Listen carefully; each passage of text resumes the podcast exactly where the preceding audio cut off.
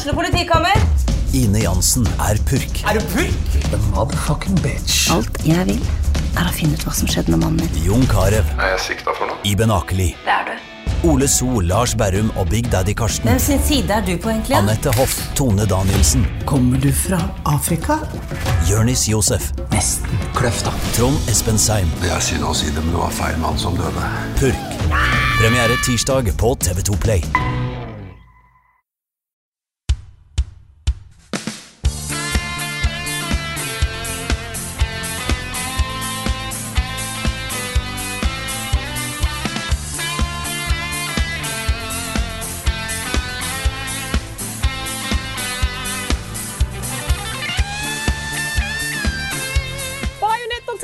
3! etter tre. Bajonetter 3, jeg visste lenge. Velkommen til podkasten Level Backup. Holdt nesten på å komme og glemme å si hva det var. igjen. Dette er Frida Danmo, hyped for Bajonetter 3. Eh, Med meg har jeg Karl Martin Hogsnes og Rune Fjell Olsen. Hallo, folkens. Hallo. Du valgte feil kveld å bli sjuk. Ja, det Men jeg må si da at det, det var jo ikke sånn at jeg våkna og tenkte Å, shit, jeg går glipp av noe En gigantisk reveal, fordi at dette ble jo, dette ble jo lika før jeg la meg. Så jeg visste det kom til å komme. Eh, og siden jeg visste det kom til å komme, så var det enda mer irriterende å se på dere. Se på Bajonetta-traileren. Bare sånn Ja, hva er dette her? Var det det der Mick-spelet? Og jeg sitter Ja. for meg sjøl på morgenen bare sånn Hvorfor er det ingen som nevner Bajonetta? Ja. Ja, men eh, Nei, for vi, vi har ikke blitt spoilet, og dette har jo starta liksom diskusjonen om om man kan spoile nyheter ja. eller ikke. Eh, Ja. For det var jo noen som, som visste at dette kom. Vi visste ikke, jeg hadde ikke sett det på forhånd. Jeg visste ikke at Kirby kom, eller at Bajonetta kom. Men, eh, Jeg hadde heller ikke fått med meg det. men eh, nei, det tok litt lang tid før vi skjønte det. Og det for meg Jeg tror det er pga. artstylen, for det første. For det Ja. ligna mer på Astral Chain og sånn enn Bajonetta. Ja, de hadde en liten fake-out der med han der hunden som dukka opp. Ja. Så, Ikke minst. men jeg satt jo og var litt sånn eh, Siden de, det brukte så lang tid før de faktisk reveala så lurte jeg på om, om Platinum satt med enda et spill de skulle lage før Bajonetta 3 kom ut. Ja. Men det var det altså ikke. Så til alle dere som har sendt spørsmål om hvor, hva min reaksjon på Bajonetta 3 var, er Fuck jeg endelig kommer da. Eh, det var på tide. Og nå jeg bare gleder meg til å dælje rundt på store monster, og med en historie som ikke henger på greip. Ja, hva, hva syns du om kaiju fights i Bajonetta? Eh, jeg har ingen problem med, med big ass monsters. Nei. Nei, jeg, jeg, jeg mente mer sånn Er du, er du hypa på det, liksom? Ja, altså, Bajonetta jeg pleier alltid å være litt over the top, og det ser det ut til at dette er på en måte neste grad av det. Så eh, jeg har Jeg vil tippe at her har de tatt med Vist da liksom da, de store tingene, men jeg vil tippe at mesteparten av gameplay egentlig fortsatt er eh, bajonetter som, som eh, skyter, eh, slår og torturerer eh, angels eh, til døde. Jeg har heller ingen problem med big ass monsters, eh, Frida. Det var herlig, altså. Det er aldri feil med Big Ass Monsters. Det er ikke det.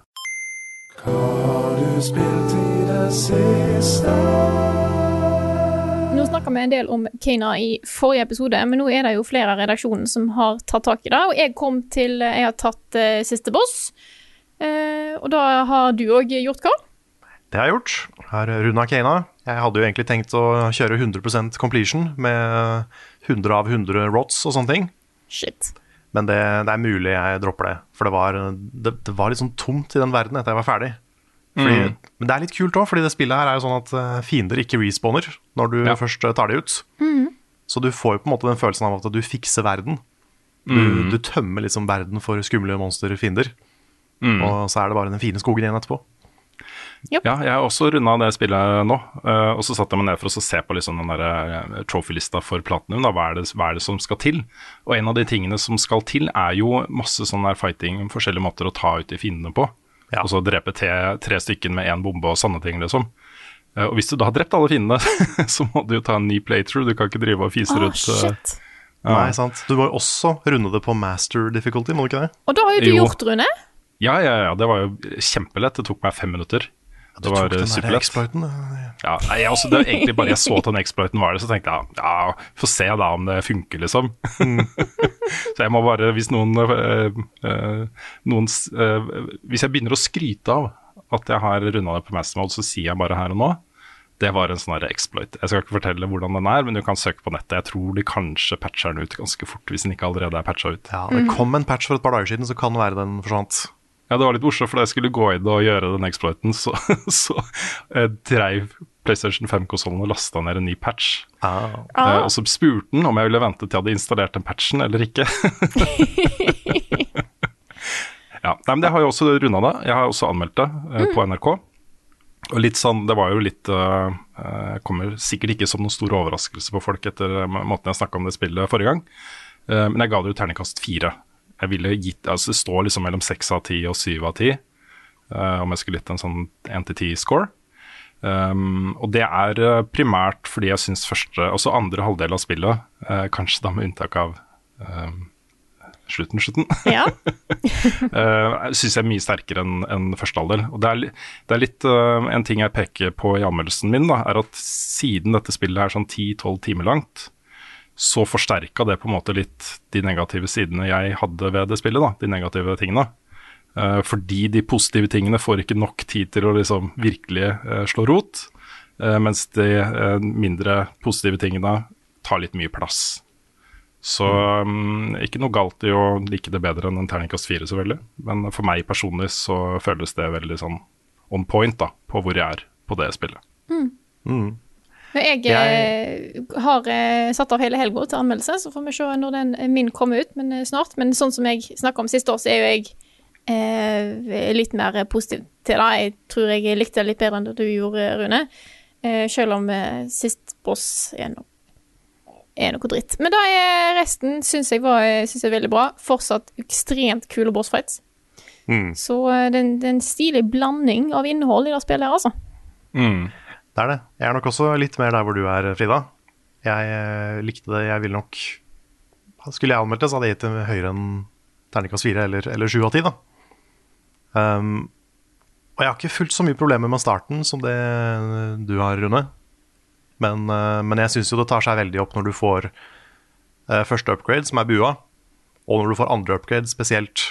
Mm. Og jeg tror det kunne, det kunne nok vokst enda mer hvis det var et par ekstra upgrades. Litt mer sånn Metroidvania-fil, for det er jo litt av det allerede. Med at du kan gå tilbake til gamle områder og finne nye ting og, og sånn. Mm. Og det liker jeg veldig godt. Men uh, jeg merker at jeg håper veldig på et Kena 2. Ja. Fordi nå har de et dritbra fundament. Mm. Dette er på en måte litt det Portal 1 var, så nå kan de lage Portal 2. Det Liksom. er et godt poeng, Carl. Så, så det merker jeg at jeg er veldig veldig gira på. For de har combat-systemet er bra, grafikken er nydelig. Uh, det generelle liksom, kontrollsystemet er mer enn bra nok, syns jeg. Eh, så, så jeg har lyst til å se et nytt spill fra de folka her, som bygger videre på det Kena 1 er. da. Mm. Så hvis det, den, dagen, den dagen Kena 2 blir annonsert, da blir det to penner fra meg. Nei, det er, jo, det er jo et eh, lite team. De er 14 eller 15 ansatte eller noe sånt. Mm. Eh, Og de har nok satsa ned, og så har de lagd en plan for hva Kena skal være. eh, Basert på kapasiteten, ikke sant. Det er sikkert derfor kanskje det ikke er lenger.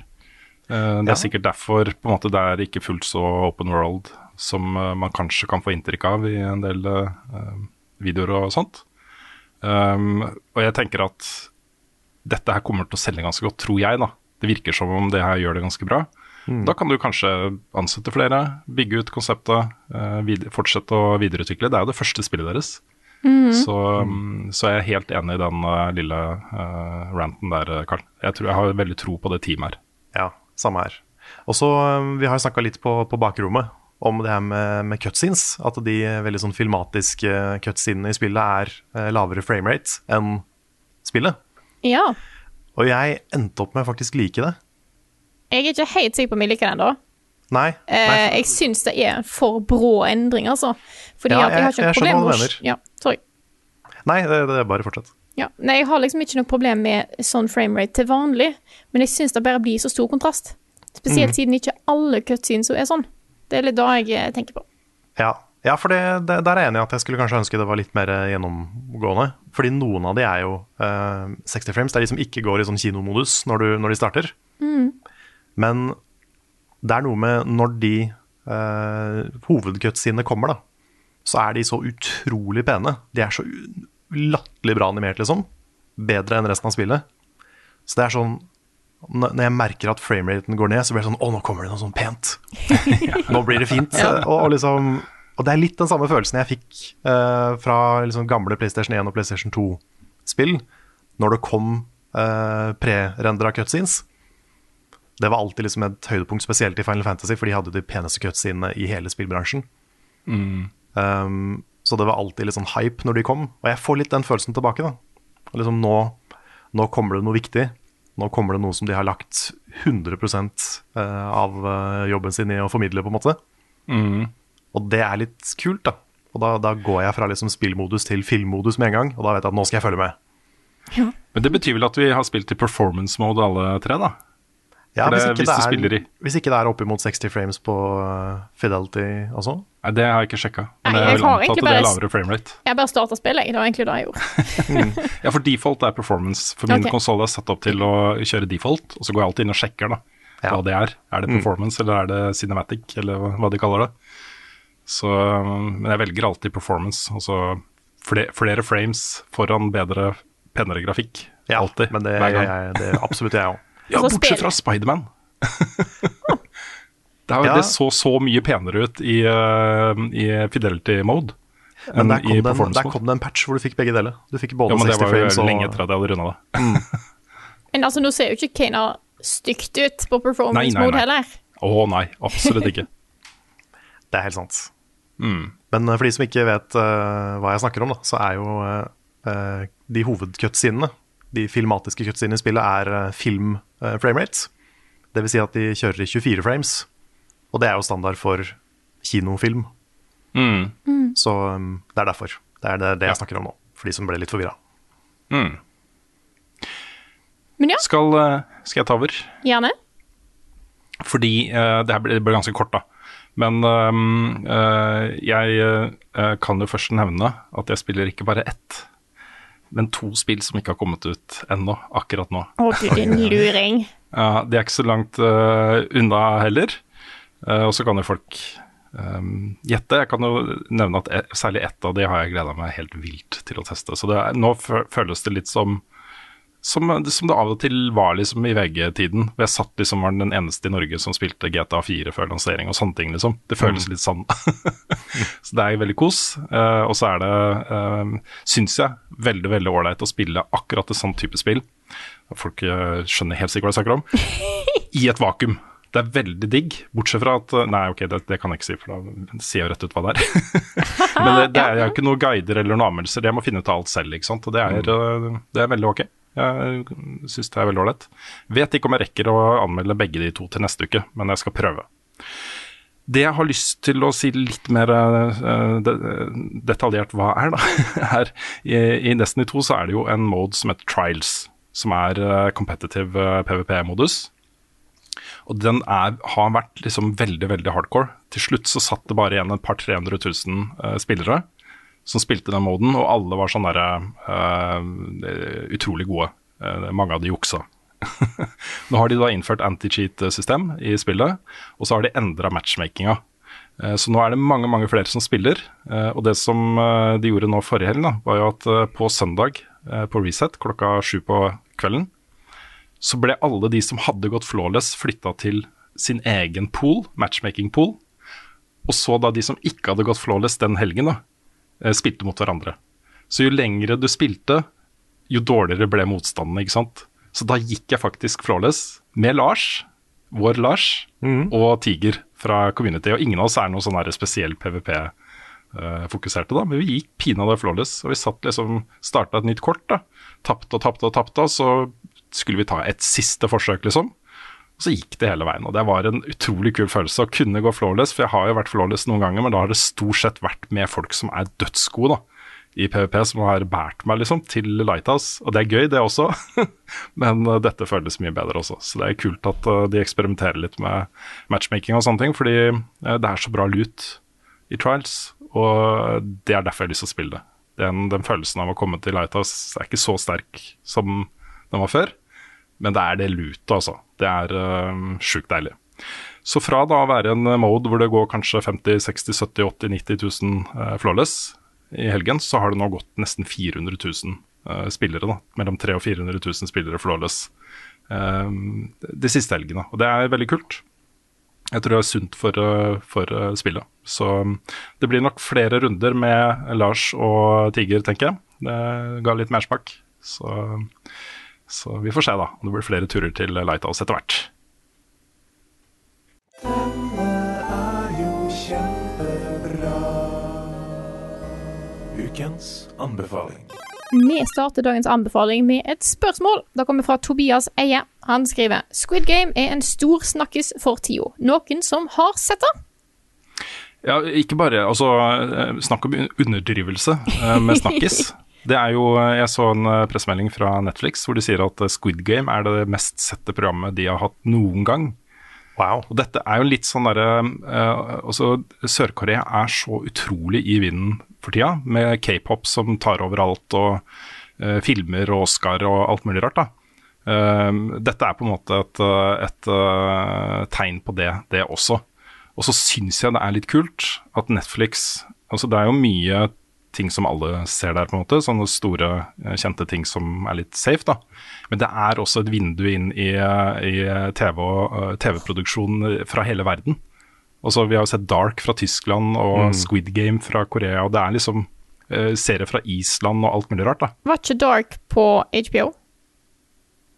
Uh, nei, det er Netflix. Det er Netflix, ja? Mm. Ja, er Ok. det det? Nå ble jeg usikker. Ja. Jeg er ganske sikker. Søk opp det, Frida. Jeg, jeg kan søke mens du snakker. Ja. Eh, og jeg har eh, jeg, nevnte jo det for dere i går. Vi hadde et lite internmøte. Så sa jeg liksom også, Vi må snakke om det nå, da, hvis vi skal anbefale den eller snakke om den, eller noe sånt, så bør vi gjøre det nå. Fordi det er så i vinden om, eh, om dagen at snakke om neste uke, så er det litt for sent. Mm. Men- så jeg liksom Det er på Netflix. Dark er på Netflix. Jeg trekker det tilbake. Netflix, okay. Men hva er grunnen til at det har blitt så svært? Fordi jeg hørte om det først liksom når dere begynte å prate om det. Du, dette er et øh, Det syns jeg også er litt fascinerende, også, fordi, fordi dette er en word of mouth-suksess. Folk som ser den og anbefaler den til andre.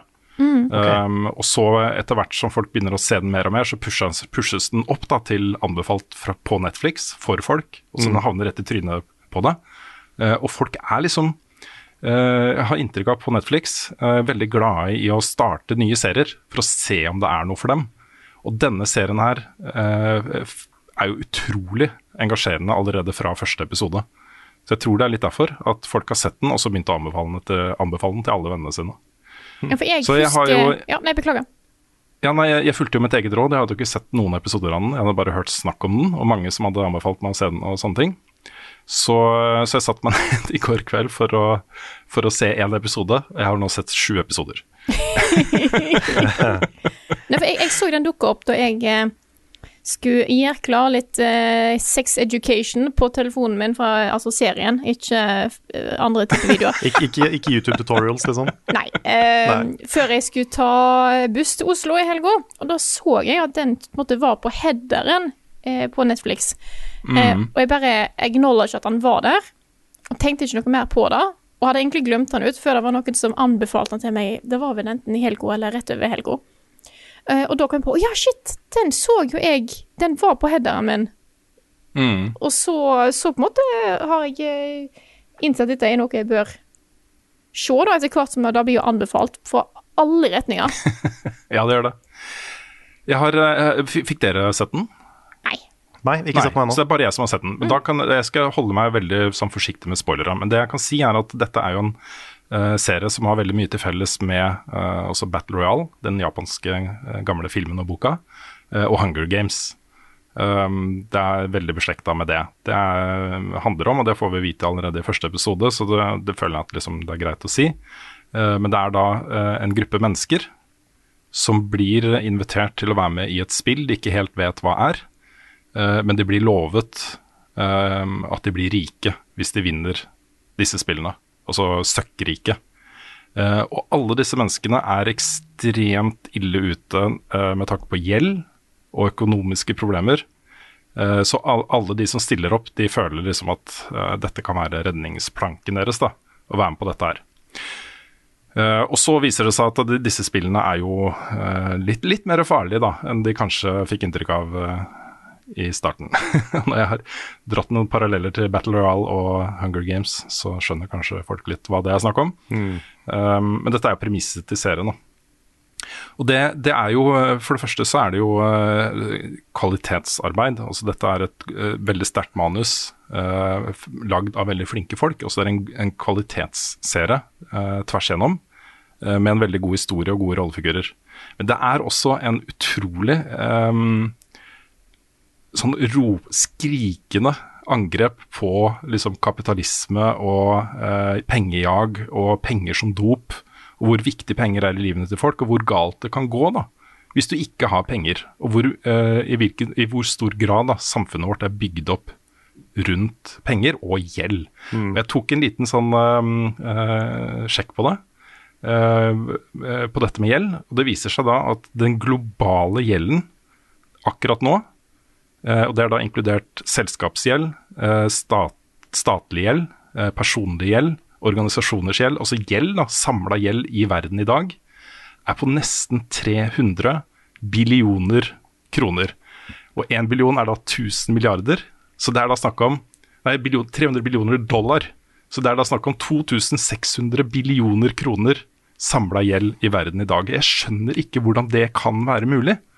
Og så det, det er sånne eskalerende ting. Dette er jo derfor vi får sånne boligbobler og Eh, gjeldskatastrofer og, og, sånne ting. Sånn folk som ikke har råd til å betale for seg lenger. Mm. Men det er jo altså, det, det, jeg syns dette her med, med, med, gjeld er litt interessant, spesielt sånn statlig gjeld og sånt.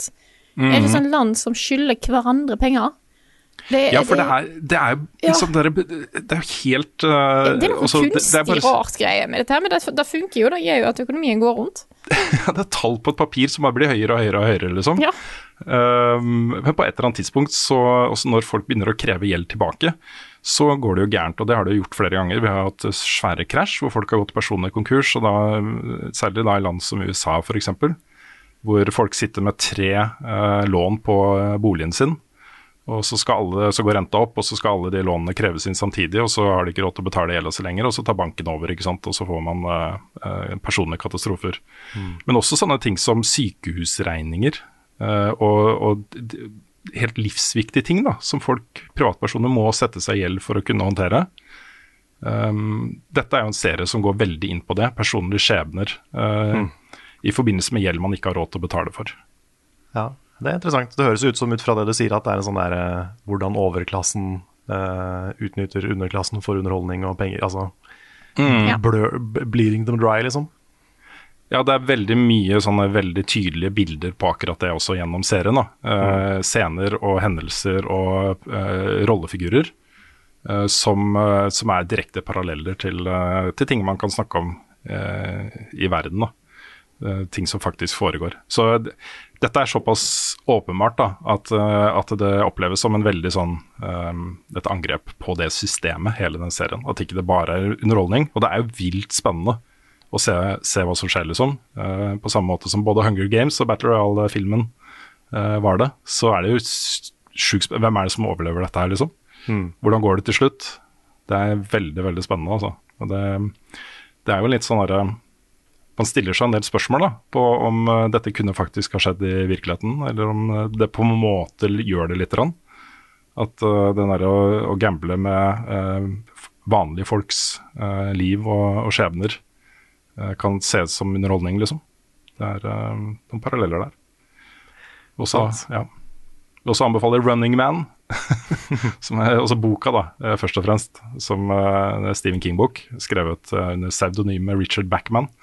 Som uh, jo også er litt sånn prequel til, uh, til alle de, også Battle Royale og um, Hunger, Ga Hunger, Games. kjempebok. filmen har jo Arnold Schwarzenegger i hovedrollen. Ja, ja. Men jeg har to episoder igjen da, av den serien nå. Den, jeg, jeg, er så sjukt spent. Jeg trodde det var sju episoder, så jeg så liksom den sjuende episoden før podkasten i dag. Oi, for å kunne ha sett den ferdig, ikke sant. Og så var det to episoder til, så jeg vet ikke hvordan det går. Nei. Men uh, dette er en veldig bra greier, altså. Ha. Ja, nei, jeg har, har en liten eh, lettbeint anbefaling til. Mm -hmm. uh, dette er en video fra uh, YouTube-kanalen Super iPatch Wolf. Som er, uh, lager videoessays om mye forskjellig. Veldig mye anime og litt, litt spill. Blant annet har han en veldig fin video om Mother 3 og en bra video om Undertale og, og sånn. Han er et geni. Han er veldig, veldig flink. Og eh, videoen jeg vil anbefale, den heter Space Jam 2 is a lie. Ja. Og det er kanskje vanskelig å se for seg hvorfor man burde se en, et videoessay om Space Jam 2. Men bare se den videoen. Den, jeg skal ikke spoile noe om hva den inneholder, eller hva som skjer. Men den går til noen uh, uventa steder, for å si det mildt. Det er et mesterverk av en video, altså. Ja, den er faktisk Jeg ble, jeg ble litt sånn blown away og uh, litt forferda, og samtidig veldig, veldig imponert. Ja. Nei, fyren er dritflink. Den, den videoen er helt eh, amazing. Er det litt sånn type inspirerende i samme gate som Bob Burnham og Inside og sånne ting, eller? Er det, Kanskje Ja, ja. litt. Det er, det er i hvert fall Den viser på en måte hvor langt det er mulig å ta et konsept i en YouTube-video, ja. ja, vil jeg si. kult. Så det er ganske morsomt, og ganske, ganske weird, men på en bra måte. Og når du først er inne på kanalen, så vil jeg òg anbefale en av de nyere tingene han har lagd. Eh, da er den videoen som heter 'Buying a PC with Dell My Journey into Hell'. Dette en eh, Dette handler jo ikke om eh, en, en film eller et spill eller sånne ting som han har Som mesteparten av videoene hans er. Dette her er rett og slett han som prøvde å kjøpe en PC, og hvor gale ting gikk etter hvert. Og det er et sånn Det er fascinerende innblikk i hvordan noen nesten kan bli gal, vil jeg si. Så eh, Ja, det skal jeg se, den har jeg ikke sett. Generelt anbefaling av Super Eye Patch Wolf, altså. Han er en knall knallfyr. Her kommer nyheter med Rune Fjell-Olsen, og han har ikke hår. Vi har jo hatt en uh, innmari svær spillansering denne uka her, som ingen av oss har testa. nå Um, og det er jeg litt glad for når jeg- ser hvordan den lanseringen har gått. Men det er jo da snakk om Amazons eh, første spill, eh, New World. Et eh, MMO-RPG-spill som det har vært veldig høye forventninger til. Og det hadde også en, en eh, svær beta i sommer, eller alfa var det vel. Eh, så dette er jo spill som folk har gått og venta på, eh, og tydeligvis eh, ganske mange av dem. Eh, Det viser seg at eh, de har pika på eh, over 700 000 samtidige spillere på Steam. Shit. Eh, og det var, på et tidspunkt så var de foran Counter-Strike eh, da, eh, etter lansering. Eh, men det har da også vært, og dette syns jeg er litt funny også, det har vært opptil ni timer ventetid for å komme inn på en server. Opptil ni timer ventetid. Oi. Um, jeg så noe et eller annet om at uh, folk snakka om at uh, serverne måtte tømmes for folk før det kunne komme inn nye. Så det, at det var litt et eller annet med den derre køsystemet som ikke var helt som det skulle være. da. Men, men uh, uh, mye folk også. Grunnen til at jeg syns det er litt funny, er jo at er det noen som har uh, god, grei tilgang til serverfarmer over hele verden med masse kapasitet, så er det jo Amazon. Ja, for det er liksom det som ofte blir snakka om når det har eh, store releases av andre MMO-er, enten det er, det ekstra utvidelser til WoW eller hva det er, så er det jo alltid er alltid krasja i starten. Men da er det på en måte fordi at en ikke har Du vet det blir så mye trøkk, sånn at de orker ikke å styre med å få ekstra kraft. Men Amazon burde ha tilgang på en del, ja. Det har du helt rett i. Ja, de kan ikke helt bruke samme unnskyldninga som Fall Guys, liksom. Nei, de kan ikke det. De kan ikke det. Men jeg har, altså, det, um, det å skalere for en, en uh, lansering er vanskelig også. Jeg har forståelse for det. Man vet liksom aldri helt hvor mange som kommer til å teste det til lansering, og uh, ikke minst da, så er det jo fryktelig dyrt da, å skalere for 700 000 samtidige. uh, når man vet at om tre uker så er det kanskje 200 000 samtidige. Ja. Så da er det liksom, den kostnaden er veldig stor, da. Eh, og det skjønner jeg jo, i hvert fall når det er Amazon. Jeff Bezos må jo eh, ha nok penger til å reise ut i verdensrommet og gjøre alle de tingene han skal gjøre. ikke sant? Reiser nesten til verdensrommet. Nesten til verdensrommet. Ja. Jeg så også at det er ikke lov til å kalle seg selv Jeff Bezos i spillet. Nei, det, det var en nyhet om det. Mm. Eh, Jeg så også at, at det er en del sånn festlige bugs i spillet. At f.eks. hvis du skal svømme, da, så kan du ikke svømme. Du går på bånn. Du bare går helt vanlig på bånn av vannet. Sånn, Ah, og sånn som i Pirates of the Caribbean. Ja. Du kan gjenskape den scenen. Nettopp. Kanskje det er uh, not a bug, it's a feature. Men eh, sånn uansett, da, dette er jo et spill som, eh, eh, som jeg har inntrykk av er ganske velfungerende, og som har masse innhold, og som folk eh, liker å spille når, du, når de først er inne da, på serverne. Så jeg er veldig spent på å se hvordan eh, det spillet her gjør det i ukene og månedene framover, også. Fordi eh, eh, det kan bli en svær ting. Veldig, veldig svær ting. Uten tvil. Så um, vi får se da, om kanskje vi klarer å lure Svendsen over fra WoW eller noe sånt etter hvert på, på New World. Uh, Activision Blizzard-saken ruller og går.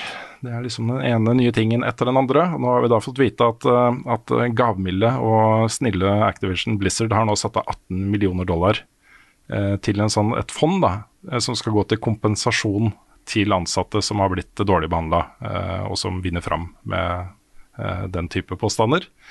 Og så er det da litt um, bittert å se da f.eks. overskuddet til altså revenue til Activision Blizzard i 2020 var jo på 8,1 milliarder dollar. Så 18 millioner dollar av 8,1 milliarder dollar. Og det er de, jeg får liksom inntrykk av at de ikke tar dette her uh, alvorlig nok også. For dette er ganske alvorlig. Når det kommer den ene saken etter den andre. På et eller annet punkt så får aksjonærene nok. Og det har de jo for så vidt også gjort. De har jo gått i søksmål mot uh, selskapet. uh, og begynner å stille krav. F.eks. ny toppledelse. Eller uh, innføring av hardere regler for inkludering og, likestilling og antitrakassering og, den type ting. da. Um, så, så jeg har liksom følelsen at de kanskje bør stikke hodet litt opp av det hullet de graver seg ned i. Selv om de sier, da, altså Bobby Cottick går jo ut og sier, toppsjefen da, i Activision Blizzard, at målet er å lage det mest inkluderende og beste stedet å jobbe i hele spillbransjen. Um, så gjenstår det jo da å se om, uh, om det blir fulgt opp. Og jeg har, har mange anelser. Det føles ikke som om det skjer med det første, da. Nei, det føles litt som at dette 18 millioner dollar-opplegget er litt sånn La oss teste om folk er fornøyd med dette. Ja, For da, har ikke, da vil ikke gå så mye utover oss, og så ser de på en måte på tilbakemeldingen, og så kan de justere derifra. Ikke som kanskje noe som de sier at OK, dette er bra beløp. Dette vil faktisk hjelpe, på en måte. ja. Det har jo da i kjølvannet dette her også dukka opp eh, eh, mye påstander rundt uh, Amazon, Game Studios uh, og folk som har slutta, med da eh, rapporter om, om tilsvarende forhold der. Da. Så det er egentlig bare å jeg, jeg forventer at det blir ne den neste store fisken. Ja, Er det Som, dårlige arbeidsforhold i Amazon, altså? Det kan jeg ikke tenke meg. Nei, ikke sant. Men Det er de samme tingene. Sånn gutteklubbgreier, da. De påstandene ok. jeg har sett der. Ja. Sånn øh, kvinner som blir forbigått og trakassert og latterliggjort og øh, Det var en av de hvor jeg så at, at øh,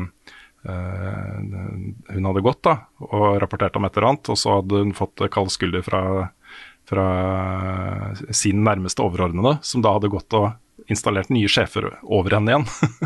så hun på en måte blir plassert lenger ned på rangstigen øh, fordi hun hadde sagt ifra, rett og slett. Så vil jeg bare nevne også at uh, i det klimaet her da, så har jo da Bungie gått ut med nye retningslinjer for inkludering og, uh, uh, og det å skape en trygg og sunn og god arbeidsplass for alle, uansett liksom. Både på dette med liksom kvinner og legninger og hudfarge og alle disse tingene, men også på, også på uh, forskjellige funksjonsnedsettelser, om det er syn eller hørsel eller bevegelsesgreier eller hva som helst kommet masse sånn tunge retningslinjer fra toppen av selskapet. Eh, De har installert nye sjefer som bare skal jobbe med liksom inkludering og rettferdige ansettelser og, og sånne ting. Det er liksom jeg, jeg har Jeg tror da at alle disse sakene her som jeg har hatt med Ubisoft, med Activision Blizzard eh, osv. Uh, motsvarene, altså de selskapene som virkelig tar grep, eh, de kommer til å få så stor pågang av folk som har lyst til å jobbe der. Eh, Så hvis du har både liksom eh, spill som gjør det bra og tjener masse penger, og veldig inkluderende arbeidsforhold og gode lønninger og alle disse tingene, de vil få de beste folka, og så vil det forsterke seg, og så vil det spre seg. Jeg, vi, vi får se det på den måten. Vi får håpe. Ja, liksom, vi får håpe det. Det, det er litt optimistisk, men det er lov å håpe. Og så Ja, det er lov å. Samme når, når du ser sånn som i fjor, eh, et av de beste spillene som kom ut i fjor, Hades, ble jo skapt uten crunch, f.eks. Ja. Så det fins jo eh, gode historier fra bransjen som Mm. forhåpentligvis kommer til å spre seg og bli flere. ja. Yep. Det er en viktig bevegelse, dette her. Mm. Eh, og så har da Twitch endelig innført eh, nye verktøy for å um, hindre eh, at chatten går amok med hatprat og um, hatraiding og alt dette her. Eh, nå kan da alle Twitch-kanaler gå inn i innstillingene og kreve enten e-postverifisering og eller telefonverifisering for å få lov til å chatte. Og Det er en flott ting, altså. Det er, eh, hvis, hvis du er en kanal med problemer med disse tingene her, At folk kommer inn aktivt for å ødelegge chatten. Eh, så har de nå en mulighet til å faktisk eh, få et faktisk telefonnummer. Da. Altså et, en ekte person bak disse ytringene. Og da er jo veien da, til f.eks. en politianmeldelse for uh, åpenbart uh, lovstridig hatprat uh, mye kortere. Da vet du hvem det er. Du har et telefonnummer um, som, som er knytta til en person. Så det er bra. Jeg håper det betyr at det blir litt sunnere eh, streaming på Twitch framover. Det er eh, lov å håpe. Samtidig så er det jo Mm. deprimerende mange på Facebook som sitter med fullt navn og lirer av seg alt mulig drit. Så Mm. you never know. You never know. Utviklerne av Spiderman 2 uh, har da vært ute og snakka litt om, uh, om det spillet. Det skal ikke komme ut før i 2023, men vi fikk jo se en trailer på State of Play-pressekonferansen til, uh, til Sony. Eh, og De har nå sammenligna uh, Spiderman 2 med da Star Wars Empire Strikes Back. Det skal Ja. bli en litt mørkere andre kapittel enn det første. Hva syns du om det, Carl? Jeg, eh, altså det er interessant, det. Mm. Jeg tenker litt at eh, det at de spesifikt nevner Empire Strikes Back, det er jo for så vidt fordi det er et eksempel på det. Men da sier de jo også at det kommer et Spiderman 3. Ja, det er sånn tenker jeg også. Mm. Men sånn snakka vi om God of War også. At liksom Ragnarok, altså nummer to der, skulle bli eh, på en måte en eh, Empire Strikes Back og liksom, ja. Ja. Men, jeg Det tror, skulle men det også var nok planen. Men de ombestemte seg for å, Ja, det sant, for, for å putte det inn i to spill. Mm. Så da blir eh, Ragnarok blir både Empire Strikes Back og uh, Je Re- Return of the Jedi. Return of the Jedi, Return of the Jedi heter den. Det Jedi-ridderne vender tilbake, heter den på norsk. Så Stemmer det. Mm. Så det var det. Og så um, hadde vi jo en uh, Nintendo-pressekonferanse som vi allerede har vært innom med uh, Bayonetta 3 i starten av podkasten. Uh, men det var jo en annen nyhet der som uh, uh, snudde litt hoder. Det er ikke et norsk uttrykk, men uh, Nei, men ja. Fikk oppmerksomhet. Det rullet Ja. litt hoder. Rullet litt roder, litt hoder. Disco Lysium, The Final Cut, kom jo da til Switch. eh, Og det ble da bekrefta noen dager etterpå, eller et par dager etterpå, at det også kommer til Xbox samme dag. Så um, eh, det er jo en del av de eh, nyhetene der, også med liksom eh, nye konsoller for store spill, som blir annonsa for én plattform på en pressekonferanse, og så viser det at ja, den kommer til de andre også, da. Men eh, det sier vi ikke her, liksom. Nei, Nei for det, det gjaldt også Deltarune. Det kommer også på Mm. PlayStation. Husker ikke i farta om det kom på Xbox, men eh, i hvert fall Switch og PlayStation. Mm, tipper det er også Xbox. Men you never know. You never know.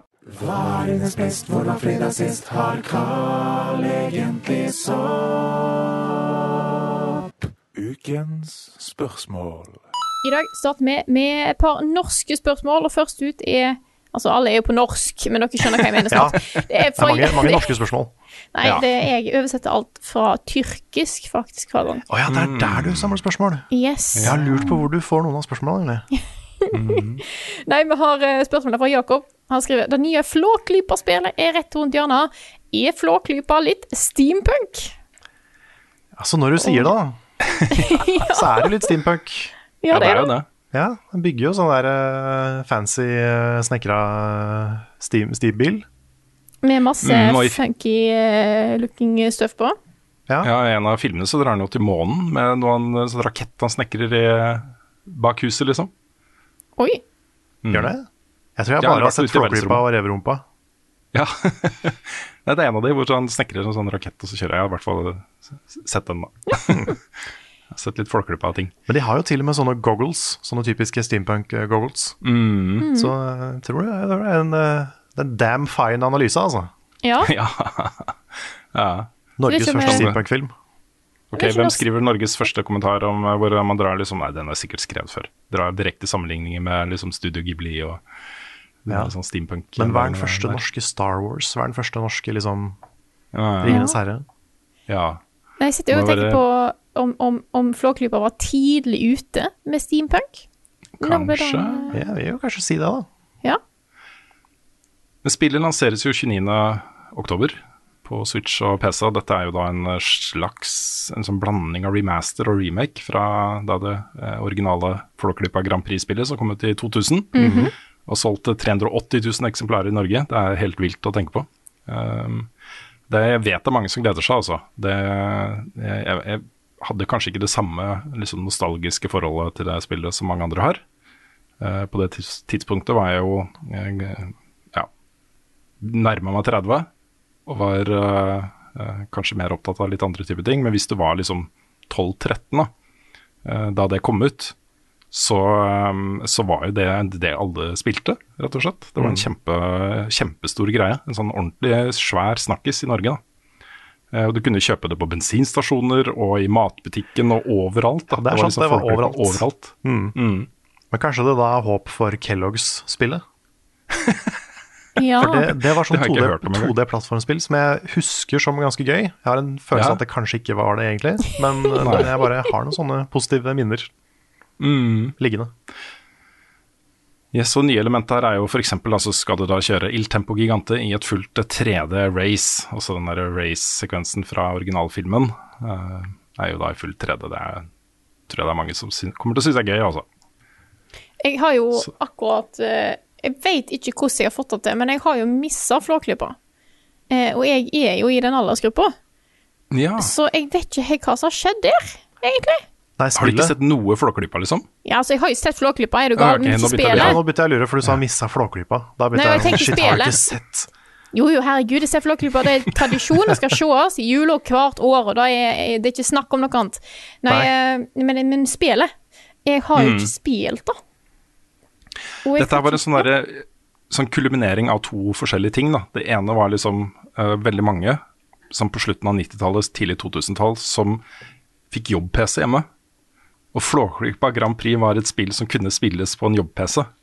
Så da hadde man liksom en, en spillmaskin da, stående hjemme med et spill som folk hadde sett filmene og, eller filmen da, og var eh, gira på Flåklypa, likte Flåklypa og kunne spille dette, du kunne kjøpe det overalt. Du kunne ta det med samme brødet ditt på Rema 1000, liksom. så det havna i mange norske hjem og ble en sånn familiespillopplevelse der de havna. da. Så alle i familien spilte det og testa det og syntes det var gøy, liksom. Men det er det jeg syns er så fascinerende, fordi at vi hadde PC-er. Jeg har Mm. spilt spill på PC i den tidsperioden, Ja. men ikke Flåklypa. Og det var ikke så mange av vennene mine heller som snakka om det. Så det er bare, Nei. jeg tror jeg bare har missa ut av det. Så men, Eh, Kom den hypen kom ikke over fjellene. Så den, var liksom ikke, den kom ikke helt til Stord, liksom. Den Ah. stoppa et sted på Dovre eller noe sånt. kom Il kjøpe Tempo brød hos Gigante klarte ikke å kjøre opp fjellet, Nei, Nei. på en måte. nei, men det er sånn er. Men jeg skjønner at folk er gira. Jeg skjønner Mm. at folk er kjempegira. Mm.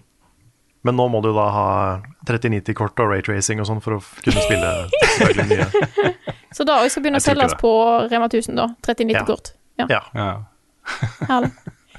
Nei, men eh, skal vi ta neste spørsmål her? Det kan vi gjøre. Og jeg har jo teaser Dag er norskrelatert. Eh, dette er fra Simon Jacobsen. Han skriver nå som Dwarfheim er ute av Early Access, har dere noen plan om å teste det? Altså, jeg syns jo vi absolutt bør teste det. Det er en stor norsk eh, og veldig spennende ut, utgivelse. Um, så, så det syns jeg. Men vi har jo Vi sitter jo em, nedsnødd i eh, greier akkurat nå. Så det er ingen som har fått uh, mulighet og tid til å begynne på det ennå. Men i hvert fall en stream eller eh, et eller annet tror jeg hadde vært gøy også. Eller en Let's Play-serie eller noe sånt. Ja, hvis vi, hvis vi får til tre stykker som spiller sammen, for det er jo det det er skapt for, Mm. Uh, så det kunne vært gøy. Mm. Det er, det er Jeg er veldig å- spent på den utgivelsen her, altså. Mm. Ja, det er jo eh, Jeg vet ikke hvor store Pineleaf er, jeg, men det, det er litt litt Dette er kult. deres første spill. Ja, ja. Og De har jo hatt early access-periode på ca. et år nå, hvor de har testa ut det konseptet her, og de har fått veldig positive tilbakemeldinger. Eh, men kanskje ikke helt klart å nå det er en sånn massivt publikum. da. Eh, men nå er det ferdig, og hvis det er bra, så kan det fort bli en ganske stor greie, fordi det er et RTS-spill.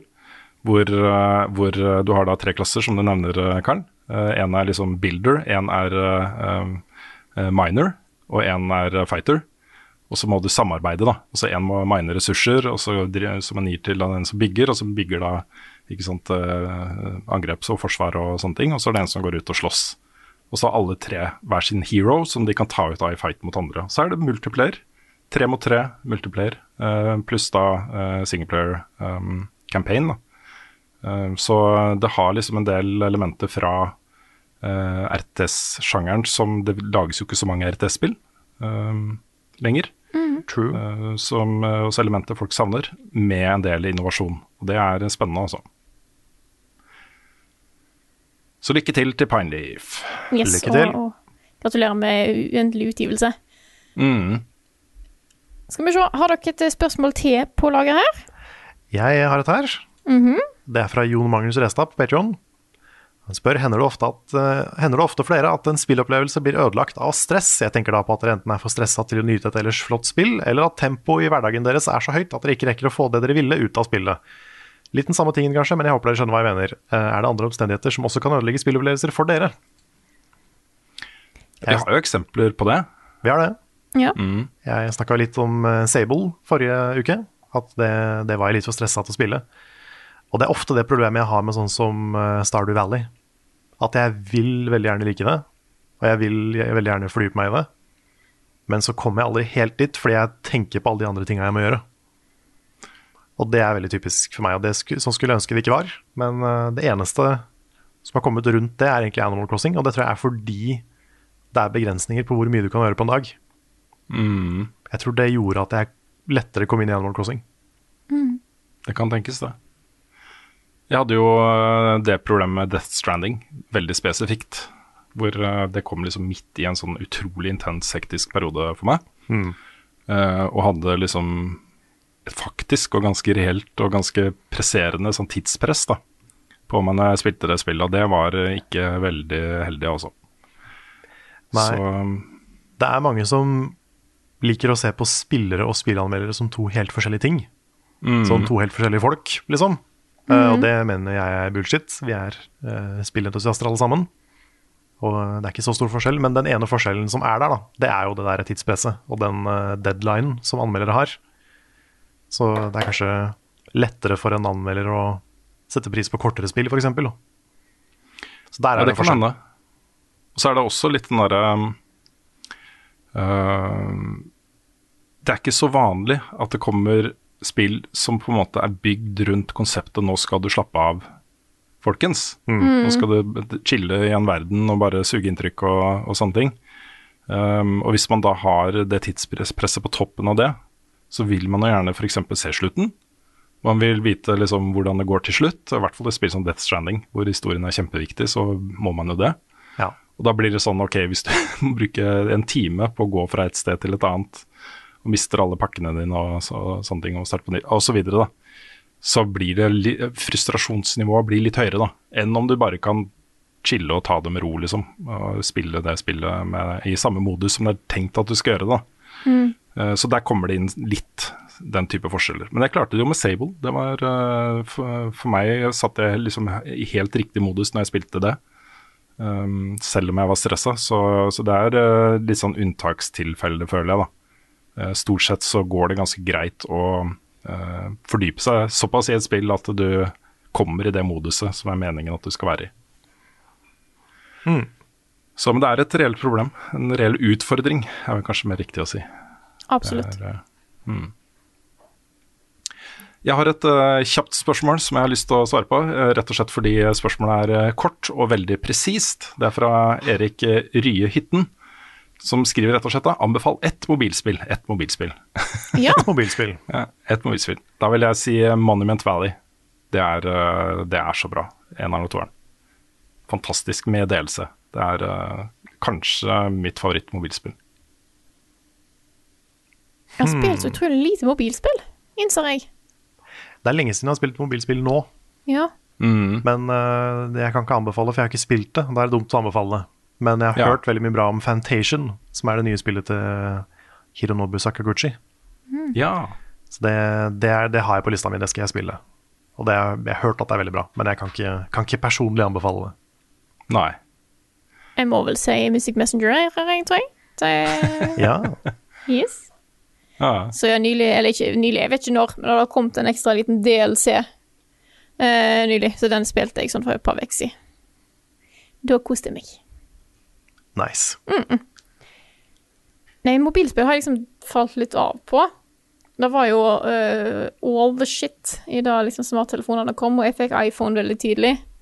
Og en her uh, flytta på biler for å komme seg ut av en uh, parkeringsplass og disse greiene der. Mm. Fruit Ninja og Ja, ja, ja. Cut the Rope. ja, jeg har spilt mye sånn Plants vs. Zombies på mobil. Uh, Ridiculous Fishing var gøy. Å, det var gøy. Da har vi anbefalt mange flere enn ett uh, Ja, vi, mobilspill. vi har det. Vi har det. Ja, jeg har et til, Ja. hvis jeg kan uh, få lov til å ta det. Gjerne. Det er fra Delilah på Discord-serveren vår, discord.gg slash levelupnorge, eh, som spør da har dere vurdert å lage en spalte eller ukentlige videoer, anmeldelser osv. om filmer og TV-serier. Det er noe jeg hadde likt å høre eller se fra dere. Keep it up, hørt på dere i mange år, prøver meg for første gang med et spørsmål. Takk for at du sender inn spørsmål, til deg. Dette har vi snakka en del om.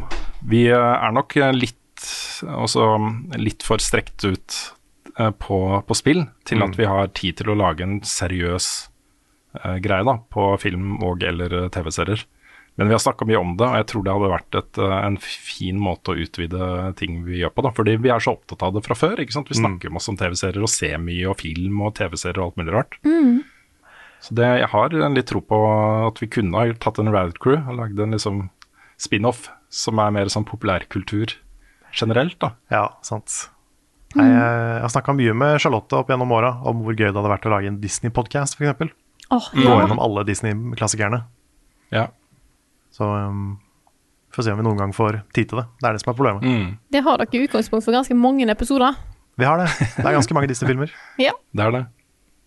Nei, jeg tenker at vi, vi kunne ha liksom snevra inn konseptet litt, da. Og sagt liksom at uh, ok, til neste episode så skal alle se en episode av dette, liksom. Og så er det det vi snakker om. Pluss kanskje bare litt nyheter som har dukka opp. Så har man i hvert fall noe. Jeg, jeg har litt lyst, altså. Men vi uh, må nok prioritere spill en stund til, så får vi se om vi får tid i framtiden. Det, viktigste, det, det aller viktigste er å få en uh, mest mulig gjennomført spilldekning. Ja, vi har eh, mer å gå på der også, så vi får begynne med det først, kanskje. Ja. Har du et uh, siste spørsmål, Karl, eller Uh... Jeg tok egentlig det jeg hadde. Ja. Jeg òg. Rune, har du noe aller siste? Eller hjemme hos der?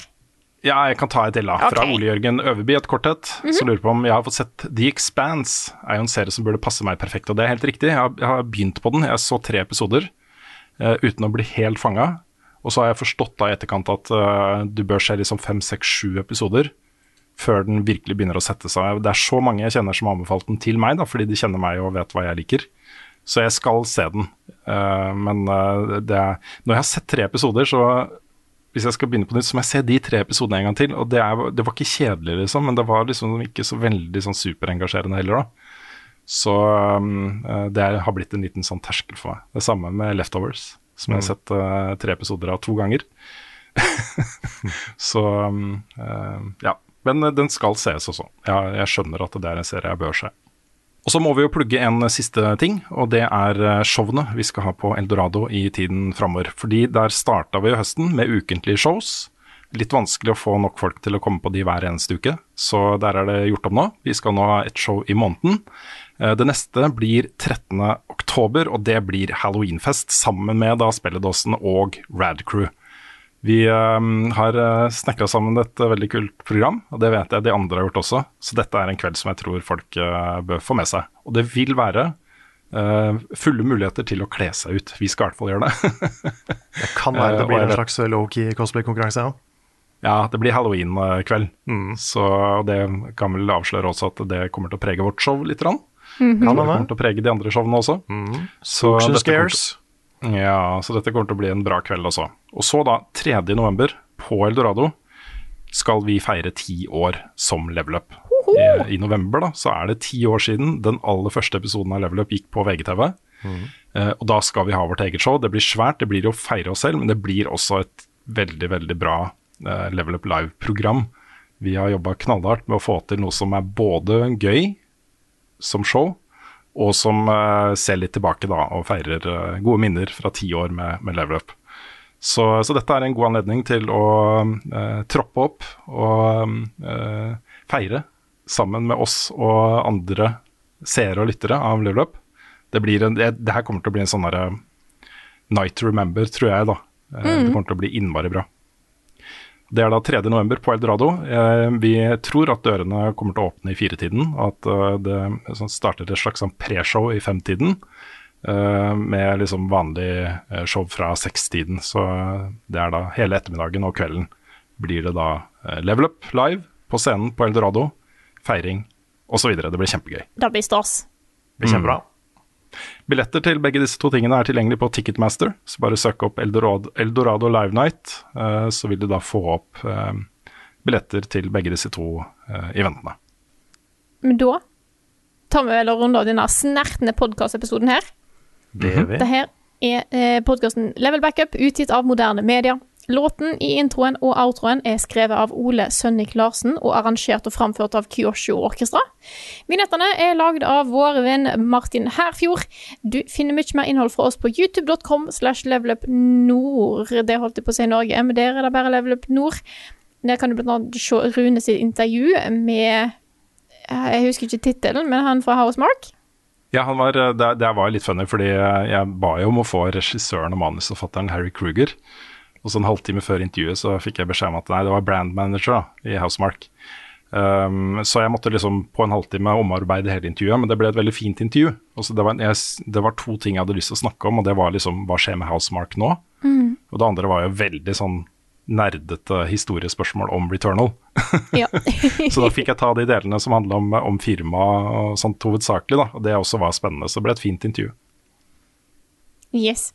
Eh, hvor er det? Jo, twitch.tv slash levelupnord. Der skjer det ofte ting, så gå inn og følg oss der, så får dere beskjed om når vi streamer. Hvis du har lyst til å få beskjed om når vi streamer andre plasser, så er det også bare til å bli med i Discord, discorden vår, discord.gg slash levelupnorge. Der òg får du varsler når vi går live, og andre ting. Og eh, sånt. Der skjer det mye gøy. Så eh, jeg vet ikke hvor jeg skulle med dette her, men jeg kan bare ta og fortsette, tror jeg. Eh, eh, vi har en shop. Levelupnorge.myspreadshop.com. Jeg har fortsatt ikke sjekka den linken, men jeg håper det er den.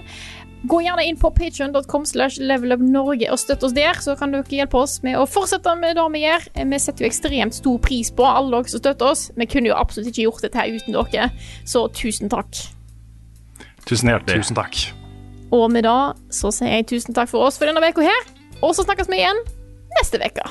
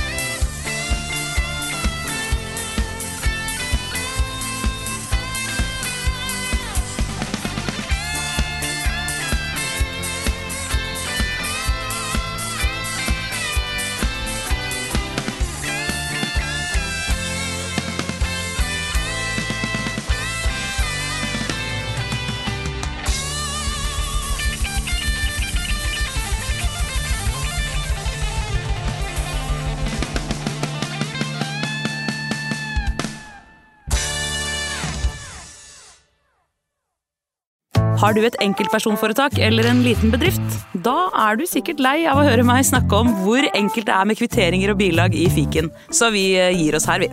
Fordi vi liker enkelt. Fiken superenkelt regnskap.